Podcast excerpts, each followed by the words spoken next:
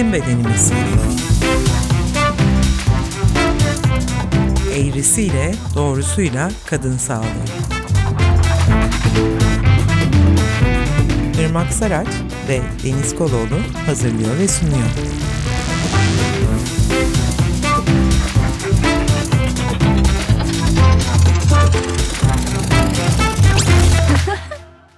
Herkese merhaba. Bizim Bedenimiz Podcast serisinin 6. bölümüyle bir aradayız. Konuğumuz sevgili doçent doktor Münevver Hacıoğlu Yıldırım toplumsal cinsiyet temelli şiddeti konuşmaya devam edeceğiz. Ben Irmak Saraç. Ben Deniz Koloğlu. Herkese merhaba diyoruz. Geçen bölümde e, şiddetin tanımını neden toplumsal cinsiyet temelli şiddet diyoruz, demeliyiz. Biraz bundan bahsettik ve şiddet türlerinden bahsettik. Bugün şiddet e, sürecinde ve sonrasında duygu durumları, yani şiddete uğrayanların duygu durumları neler oluyor, nelerle karşılaşıyorsun? Biraz buradan baş, başlayalım istersen Münevver. Tabii e, ama çok çok geniş bir alan. Yaşanan şiddetin büyüklüğüne, kişinin o şiddetle baş etme biçimine, şiddet sonrası karşılaştığı durumlara bağlı olarak değişen e, kocaman bir semptom çeşitliliği var şiddet sonrası ortaya çıkacak ruhsal etkilenmelerin. O yüzden tek bir durumla karşılaşıyoruz demek çok mümkün değil ama şöyle söyleyebiliriz. Şiddet bir insanın başına gelen bir şey, karşısına çıkan bir şey. O nedenle hayatı yolunda gidiyorken genellikle maruz kaldığı bir şey ve bununla baş etmeye çalışıyor. Bunun sonrasında ortaya çıkan durumlar da genellikle anormal bir olaya verilen normal tepkiler çerçevesinde oluyor büyük oranda. Tabii ki işte bu ıı, az önce saydığım durumların şiddetine bağlı olarak anormal olaya verilen normal bir tepki çerçevesinde kalabiliyor ya da bir ruhsal bozukluk, hastalık ya da çok ağır bir bozukluk, hastalık seviyesine değişebiliyor kabaca. Şöyle içeriden olduğunuz için siz hakimsiniz terimleri ama dinleyicilerimize kabaca travma, şiddeti içselleştirme, kabullenme, duyarsızlaşma, paylaşım, paylaşamama gibi tanımlardan da bahsetsek belki kafada biraz daha netleşir. Ya da mesela şöyle söyleyeyim şimdi birazdan bir, birkaç tane daha geçen bölümde vermiştim istatistik bilgilerde. Mesela çocuk yaşta evlilik e, bir şiddet türü değil mi sonuç olarak? Tabii. Ve Türkiye'de 2018'de yapılmış bir araştırmanın raporuna göre 15-59 yaş grubundaki her 100 kadından 26'sı 18 yaşından önce evlenmiştir diye bir ki bildiğimiz kadarıyla. Bir de yaşı büyütülen kız çocukları var. Bu bir travma hali ve ömür boyu sürüyor herhalde değil mi? Yani çocuk yaşta evlilik nasıl bir tanımlama? Yani böyle bir tanımlamanın olması zaten çok absürt bir şey. Çocuk ve evlilik kelimelerinin yan yana gelmesi gerçekten nasıl olabiliyor? Enteresan. Şöyle söyleyeyim. Bizim mesela travma ile ilgili ölçeklerimiz var. Şu oldu mu, bu oldu mu diye soruyoruz. Ona göre diyoruz ki ha evet travmatik olay yaşamış. Her olay yaşayanda ruhsal olarak bir etkilenme olacak anlamına gelmiyor elbette ama işte savaşlar, çatışmalar falan böyle bir, bir grup 25 tane kabaca ölçeklere göre değişmekle birlikte olay var. Mesela o sorulardan bir tanesi şöyle bir şey. 18 yaş altında kendinizden 5 yaş büyük biriyle siz isteseniz bile bir cinsel yakınlaşmanız oldu mu? Bizim travma tanımlamalarımızdan bir tanesi bu. Bu ne demek? Kişi istese bile, cinsellik yaşamak istiyorum dese bile 18 yaşının altında kendisinden en az 5 yaş büyük biriyle belki şiddet tanımlaması sırasında Irmak'ın bahsettiği asimetriyi burada söyleyebiliriz.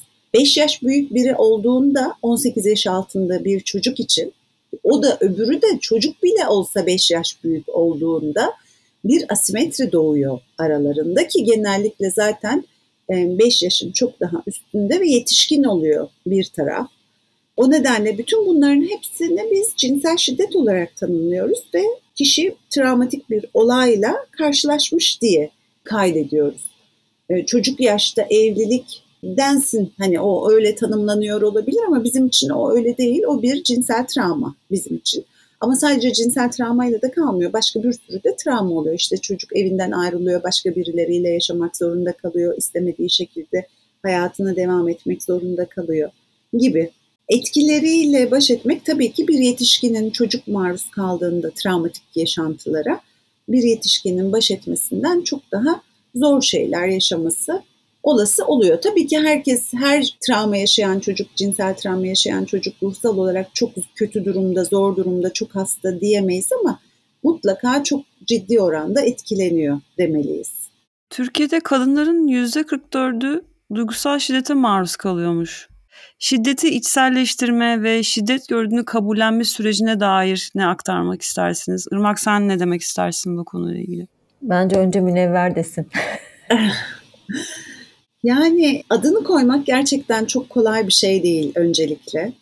Adını koyduktan sonra da kabul etmek çok kolay bir şey değil kadın içinde bu yaşananın bir şiddet olduğunu söylemek. Çünkü öyle olunca bir sürü şeyi değiştirmek, müdahale olmak, bir sürü bir sürü şey gerekiyor.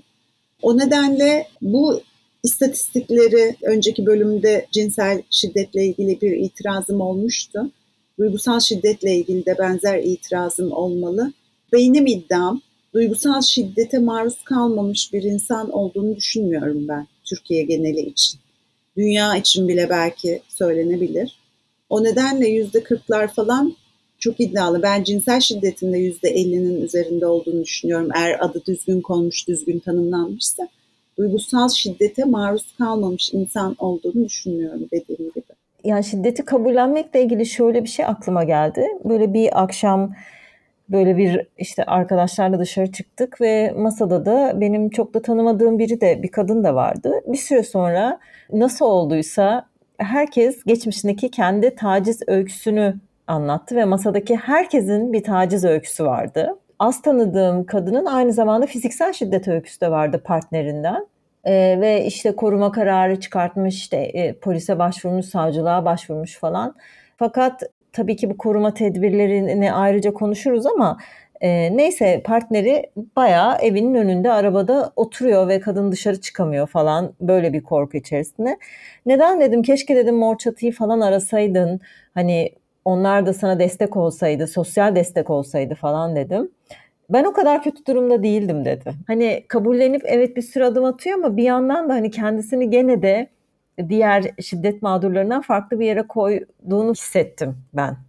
Böyle de bir şey var belki.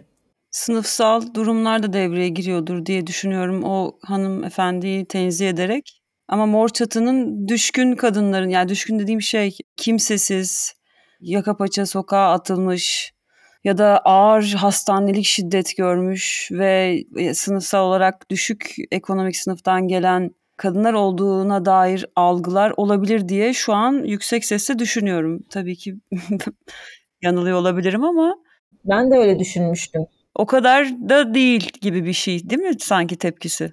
Evet şiddeti kabullenmiş kendisine uygulanan şiddeti ama o kadar da değil. Bir red hali, inkar hali aslında bir yandan da tabii. Evet yani o yüzden şiddeti tanımlamak zor, tanımladıktan sonra kabul etmek de zor gerçekten. Özellikle de işte cinsel şiddet, duygusal şiddet. Çünkü insana kendini çok da güçsüz hissettiren bir şey ya. Önce bir mağdur olduğunu fark etmek, belki karşı koyamadığını düşünmek, yani adını geç koyabilmiş olmak vesaire.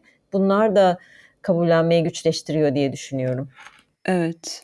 Bir de e, yine Münevver Hanım'ın dediği bizim haberimiz olan nasıl diyeyim kişiler bunlar.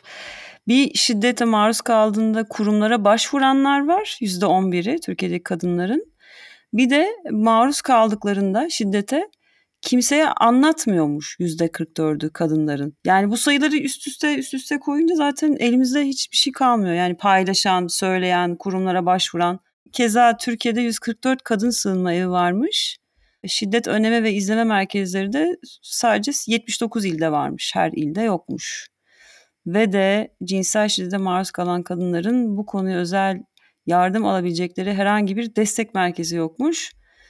İstanbul Sözleşmesi'ne geleceğiz sayın dinleyiciler. Şimdi bu programda girmeyeceğiz ama e, bu bahsettiğim istatistikler evet Türkiye'de katılımcı demokrasi güçlendirilmesi toplumsal cinsiyet eşitliğinin izlenmesi projesi kapsamında AB desteğiyle hazırlanmış.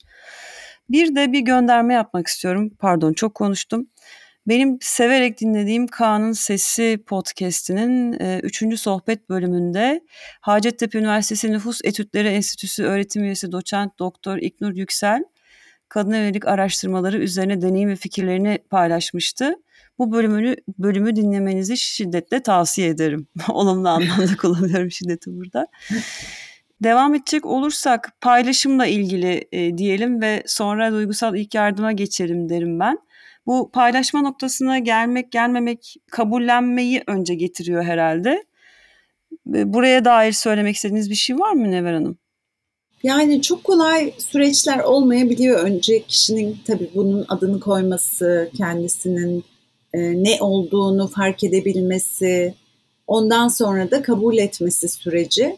Ne yazık ki şöyle bir yanı da var. Ruhsal olarak çok etkileyen, bizi çok yaralayan durumları görmek ve ifade etmek çok daha güç oluyor. Bu başka travmalar için de geçerli. Mesela fiziksel şiddet için de diyebiliriz ya da trafik kazası ya da başka bir travma. Çok ağırsa şey gibi en en ağır travma en son söylenendir gibi bir sözümüz var bizim. O nedenle hem görmek, kabul etmek hem de o travmanın ağırlığı ile mücadele etmek sonucu ortaya çıkabiliyor. Konuşabilmek, ifade edebilmek. Yani çok kolay bir şey değil söylemek. O dediğinizi biraz açar mısınız? En ağır travma dediniz. Ruhsal olarak etkilenme farklı olabiliyor yaşanan travma biçimlerinden. Her insanın etkilendiği travma biçimi de birbirinden farklı olabiliyor. Ama bazı travmalar var ki herkesi tabii ki çok ağır yaralıyor. Ruhsal olarak etkilenmenin çok yoğun olduğu travmaların e, hem başı sonu belli cümleler olarak dile dökülmesi bile çok zor. Hatırlanmaz, fark edilmez. Cinsel travmalar içinde bu böyledir. Hem de fark edilse, hatırlansa bile ifade edilmesi, kişinin kendine bile hani şey olur ya ya ben bunu kendime bile söyleyemiyorum. O kadar korkunç bir şey ki söylemek kendime bile çok zor gibi bir şey.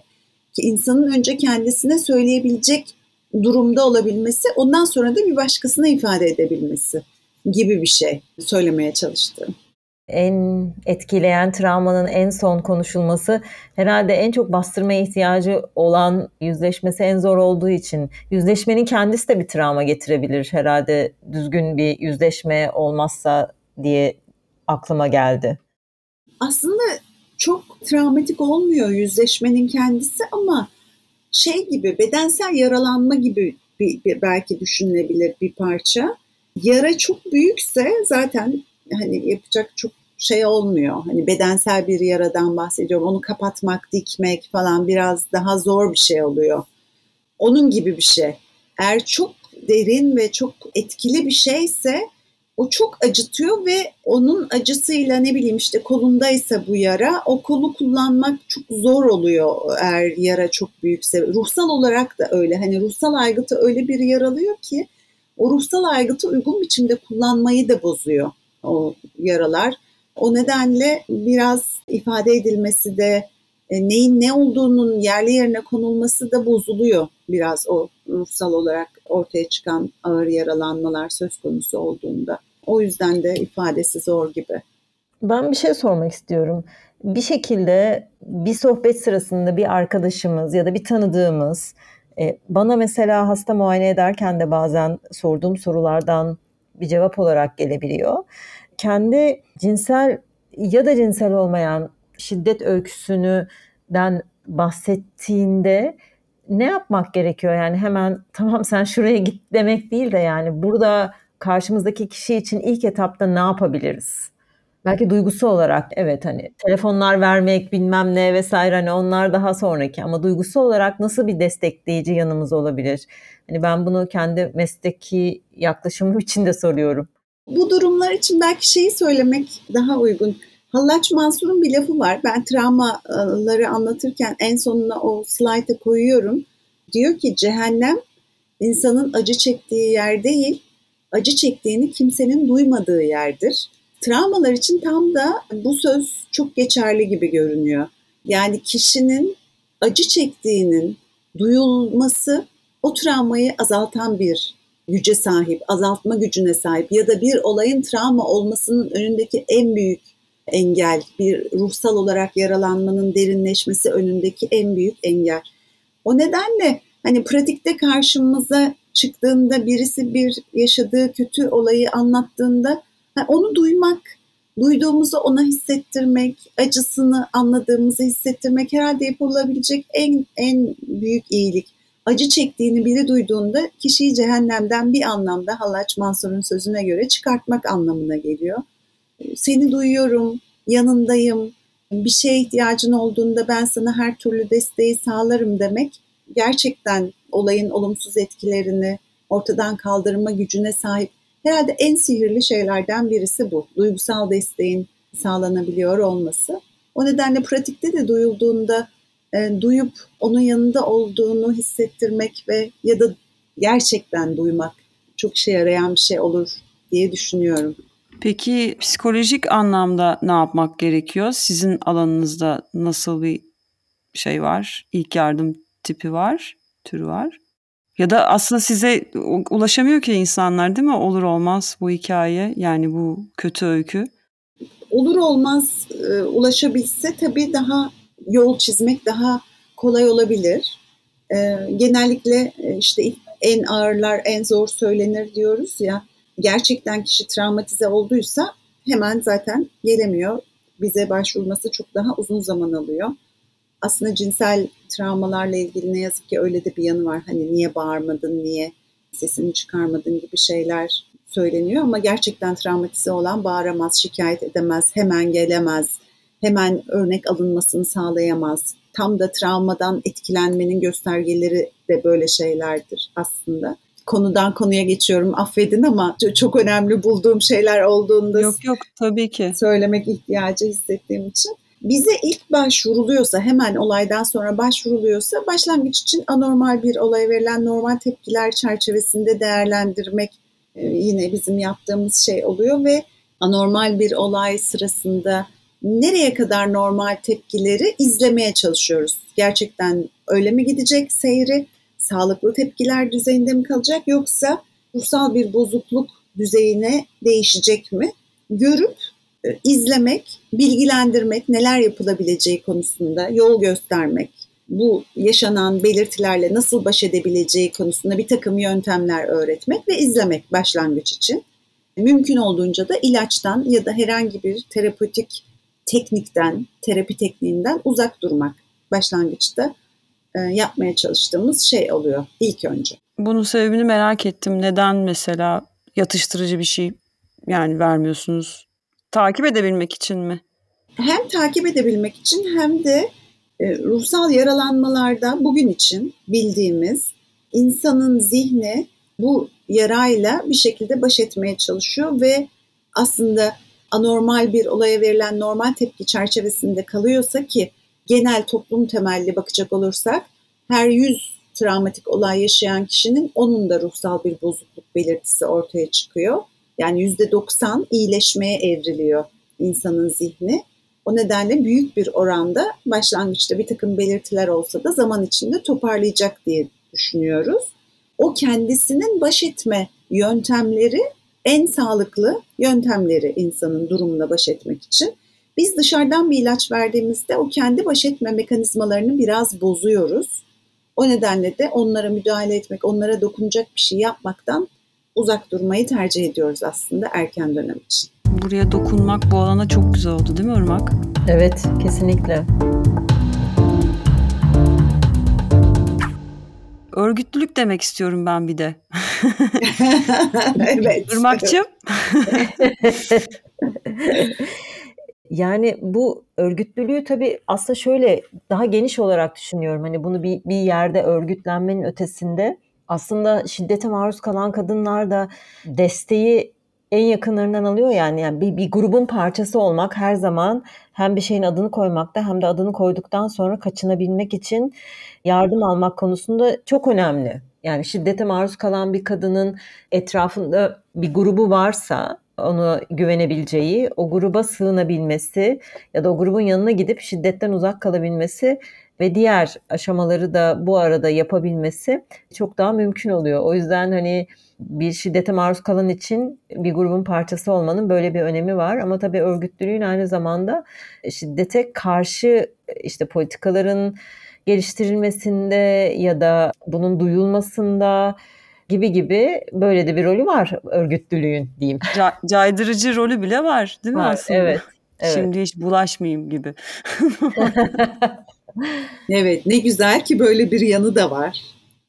Şimdi e, şiddetin en uç noktası olan cinayet eğilimi mi diyeceğim, nasıl demeliyim bilmiyorum ama bir insanın hayatına son verme eylemi. Ee, bu anıt sayaca baktığımız zaman 2008'den beri erkek şiddetiyle hayatını kaybetmiş, öldürülmüş kadınların isimlerine ulaşabiliyorsunuz. Toplu sayısını ben hesapladım bir şekilde. Bir yanlışım varsa dinleyiciler de düzeltebilir. Irmak, Münevver Hanım sizler de lütfen. Son 15 yılda Türkiye'de kadın cinayetlerindeki endişe verici artışı değerlendirelim diye söylüyorum. 2008'den 20 Ağustos 2023'e kadar anıt sayaca göre 4381 kadın erkekler tarafından öldürülmüş. Bu endişe verici artışı bulunduğunuz sahadan, alandan nasıl tanımlamak istersiniz? Ne söylemek istersiniz Münevver Hanım? Sonra Irmak'cığım sen de. Ben bu durumla ilgili iki şey söylemek istiyorum. Ne yazık ki son yıllarda yüksekten düşen kadınların çok olduğu bir ülke haline geldik. O nedenle bu sayaçla ilgili de ne kadar gerçekten e, gerçek durumları ölçebiliyor, ne kadarını e, bu sayı kapsayamıyor, o, ondan emin değilim. Onu söylemek isterim. Bir de şunu söylemek isterim. İstatistiki olarak her yıl Türkiye'deki öldürülen kadın sayısı artıyor. Her yıl belirli bir oranda ne yazık ki artarak gidiyor. Artmadığı hatta azaldığı bir tek yıl var. İstanbul Sözleşmesi'nin imzalandığı yıl. Onun dışındaki her yıl artıyor. Bence bu çok önemli bir veri diye düşünüyorum cinayetlerle ilgili. Katılıyorum. Şundan dolayı katılıyorum. Çünkü aslında cezasızlık da bu işin artmasının sebebi. Yani her koşulda iyi hal indirimi alıp gerçek bir ceza ile karşılaşmadan ya da en ufak bir şeyde iyi halden yararlanıp çıkmak ya da işte şimdi af kapsamında kolaylıkla çıkabiliyor olmaları yani caydırıcı hiçbir şey yok kadına yönelik şiddetin geneliyle ilgili yok cinayetlerle ilgili de yok. Dolayısıyla da yani İstanbul Sözleşmesi'nde etkin uygulandığı dönemde çok daha caydırıcı bir şeydi. Çünkü kadının beyanı esas alınıyordu, şiddet gördüğü yere geri gönderilmiyordu. Yani pat diye en çok yakınlarından şiddet gördüğünü kadınların geçen bölümde de söyledik. Pat diye olmuyor yani bir, bir anda cinayet olmuyor. Zaten sistematik bir şiddetin sonucu cinayete evriliyor aslında ve burada da işte İstanbul Sözleşmesi etkin uygulandığı dönemde kadının beyanı esas alınıyordu ve hemen koruma kararı kolaylıkla çıkartılabiliyordu. Şimdi hani bunu ayrıca konuşacağız ama sözleşmeden çıktıktan e, itibaren bunda çok ciddi bir geriye dönüş var. Yani şimdi afet bölgesinde daha da kötüye gidiş var. Kolaylıkla kadın şiddet gördüğü eve geri yollanıyor. Oradan çıkartılması gerekirken e, ve şiddete geri yollanıyor ve cinayete böylece bir adım atılıyor. E, cinayet işlendiğinde zaten caydırıcı bir durum yok. Böylece bir kısır döngünün içerisine düşürmüş oluyor. Dolayısıyla da artarak artarak devam ediyor. Evet. Trans cinayetlerine dair bir anıt sayacımız yok ama o da maalesef e, ivmesi olan bir alan. Erkek şiddetinin bir nasıl diyeyim sonucu yine ya da eril şiddetin sonucu diyelim. Onu da burada bir anmadan geçemeyeceğim. E, yani son dönemde LGBT'yi karşıtı söylemlerdeki artışı görüyoruz. Yani meslektaşlarımız hedef gösteriliyor boy boy sayfa sayfa. E, tabii ki bu cinayetlere de artarak devam etmesi kolaylıkla açıklanabilir böylece. Peki önleyici ve koruyucu tedbirlere dair neler konuşmalıyız? Hem kişisel hem toplumsal hem de kamusal bağlamda. İkinize de bırakıyorum ortaya böyle bir doktora. Ben önce Irmak'a bırakıyorum bu soruyu. Şöyle şeyler düşünüyorum. Bir kere bu Mor Çatı'nın bir broşürünü okumuştum şiddetle ilgili. Çok açıklayıcı ve böyle çok basit ve açıklayıcı bir broşürdü. Ya bir kere gerçekten neyin şiddet olduğunun sayfa sayfa böyle her yerde konuşuluyor olması gerekiyor ki önce bir kadın gerçekten şiddete maruz kalıp kalmadığının farkında olsun. Fiziksel şiddet tabii ki çok görünür ama neyin cinsel şiddet olarak tanımlanabileceği ya da işte duygusal şiddetin ne olduğu, ekonomik şiddetin ne olduğunu bir farkında olması ve onun adını koyabilmesi için hani bunu sürekli olarak konuşulması ve vurgulanması çok önemli. E, bu tabii çok yani aynı zamanda toplumsal cinsiyet eşitliği temelinde devlet politikalarının olması çok önemli ve şiddete karşı caydırıcılığın olması çok önemli. İşte kadının beyanının esas alınması önemli, bir delil zorunluluğu olmaması, şahit zorunluluğu olmaması önemli. Bir de burada şunu antiparantez söylemek istiyorum. Ya kadın şiddet başvurusunda bulunduğunda özellikle cinsel şiddet için işte olayın defalarca anlattırılıyor olması, tekrar tekrar muayene ediliyor olması, oradan oraya götürülüp ya olayı tekrar tekrar kadına e, yaşatmak da bir şiddet türü ve bunu da maalesef tırnak içerisinde onu korumak ve onun için ya, o başvuru yaptıktan sonraki süreçte onun tekrar tekrar şiddete maruz kalmasına e, yol açıyor. Yani buralara bakmak gibi şeyler aklıma geliyor ilk etapta. Yani ben de belki Irmak'ın söylediklerine ek olarak farkındalık gerçekten çok önemli bir şey. O, o hiç yatsınamaz. Herkesin farkındalığı ama her kesimin farkındalığı. Sonuçta kolluk güçlerinin de farkındalığının artması, sokaktaki insanın da farkındalığının artması, kadının da farkındalığının artması her herkesin. Ee, onlar önemli ama yasal düzenlemelerin de önemli olduğunu düşünüyorum ben. Caydırıcılığın önemli olduğunu düşünüyorum. O nedenle işte koruyucu 6284 sayılı yasanın uygulanması, koruyucu ve önleyici tedbirlerin belki daha tanımlanması, daha net, daha pratikte de uygulanır biçimde önemli diye düşünüyorum Irmak'ın söylediklerine ek olarak belki. Bir şey daha aklıma geliyor. Yani bu biraz da aslında iğneyi kendimize batırmak anlamında da söylüyorum. Hani kadın şiddet mağduru kadın tekrar tekrar travmaya maruz kalıyor, tekrar şiddete maruz kalıyor derken aslında yani doktorları da burada bir kenara koymamak gerekiyor. Çünkü sağlık sisteminde de aynı şiddete maruz kalıyor maalesef. Özellikle cinsel şiddete uğradıktan sonra bunun muayenesi için geldiğinde gerçekten hiç senin biraz önce söylediğin gibi acısının hiç duyulmadığı, tamamen böyle otomatize, sanki bir karşılarında bir insan yokmuş gibi e, muameleye maruz kalabiliyor kadınlar. E, ve bunun böyle olmaması gerekiyor. Ya da eğitim amaçlı çok sayıda kişinin yanında muayene edilebiliyorlar. Yani bunlar duyduğumuz öyküler olduğu için hani burada da bu farkındalıkların geliştirilmesi ve belki hani bu eğitimlerin de verilmesi çok çok önemli. Yani sürekli olarak işte bu muayeneyi yapan adli tıpçılara, kadın doğumculara tekrar tekrar bu nasıl davranılması gerekir, nasıl bu muayene yapılmalı ki kadın yeniden şiddete maruz kalmasın, yeniden travmatize edilmesin. Bunun da eğitimlerinin verilmesi gerekiyor. Yani bunun da yasal düzenlemesi olması gerekiyor belki. Bu hizmet içi eğitimlerin aralıklarla düzenlenmesi gerekiyor gibi şeyler de aklıma geldi. Evet, evet ne yazık ki öyle bir yanı var bu işin.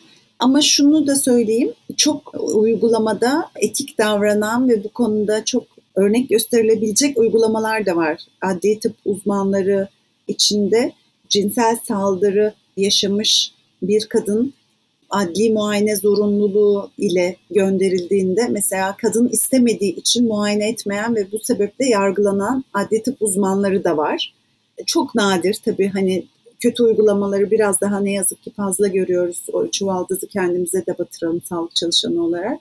Ama çok e, iyi örnekleri olduğunu da söylemeliyim. Muhakkak, muhakkak. Bu zihniyet dönüşümünün gerçekleşmesi için hani farkındalık kişinin sorumluluğunda olan bir kavram ama farkındalığı arttırmaya dayalı da mesela ne bileyim işte genellikle derneklerin, vakıfların proje şeylerinde farkındalığı arttırmak üzere deyip eğitimden bahsetmemiz gerekiyor. Herhalde hem e, yani cinsel eğitim önemli bir yapı taşı bu noktada değil mi? Bir de şiddeti tanımak o nasıl müfredata sokulur yani okuldan falan başlamalı diye düşünüyorum. Mesleki alanlardan ziyade çocuklara da anlatmak gerekiyor diye düşünüyorum. Hani e, o noktada da devlet politikası, eğitim politikaları e, dev, devreye giriyor. Sanki bu mesele STK'ların, sivil toplum örgütlerinin bir meselesiymiş.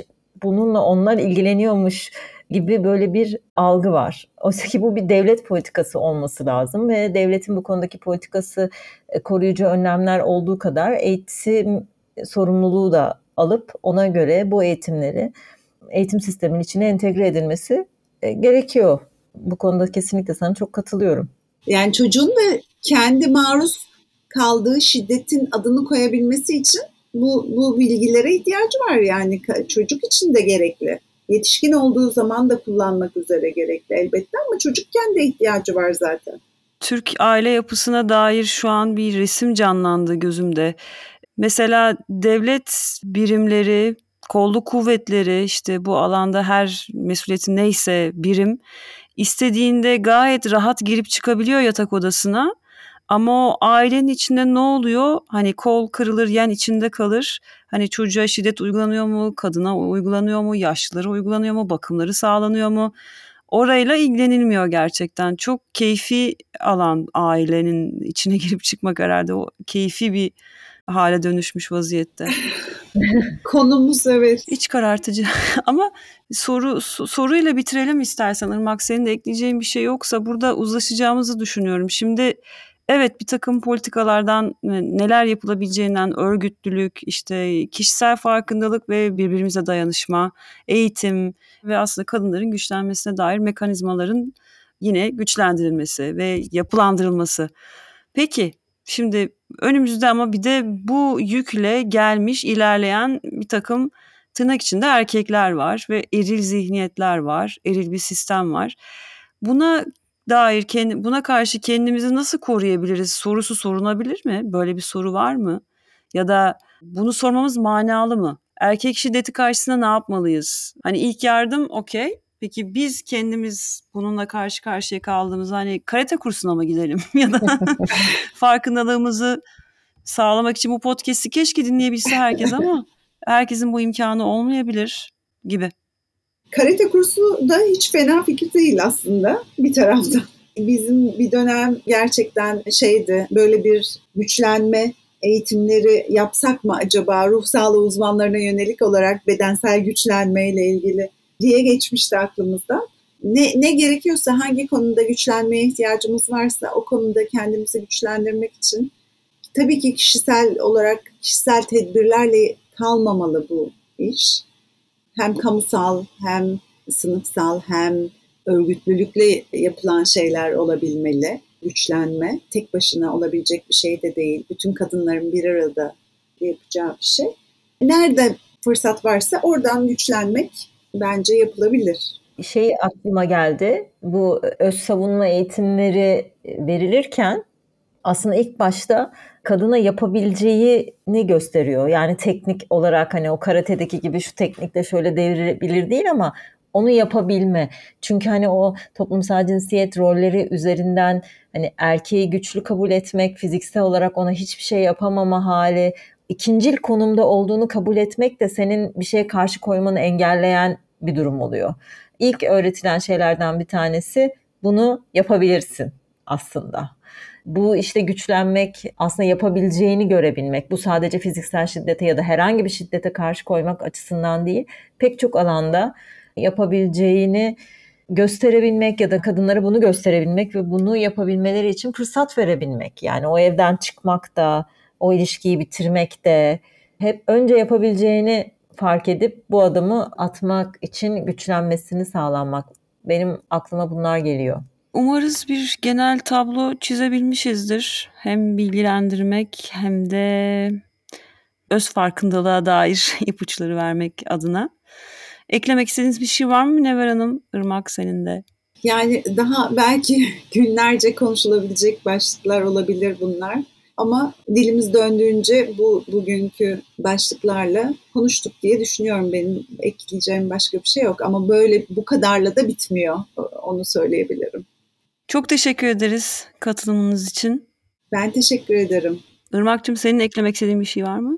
Benim de eklemek istediğim bir şey yok. Gerçekten çok hani konuş konuş bitmeyecek bir konu. Teşekkür ediyoruz Münevver bizimle bu konuyu konuşmayı kabul ettiğin için, deneyimlerden bahsettiğin için. Böyle.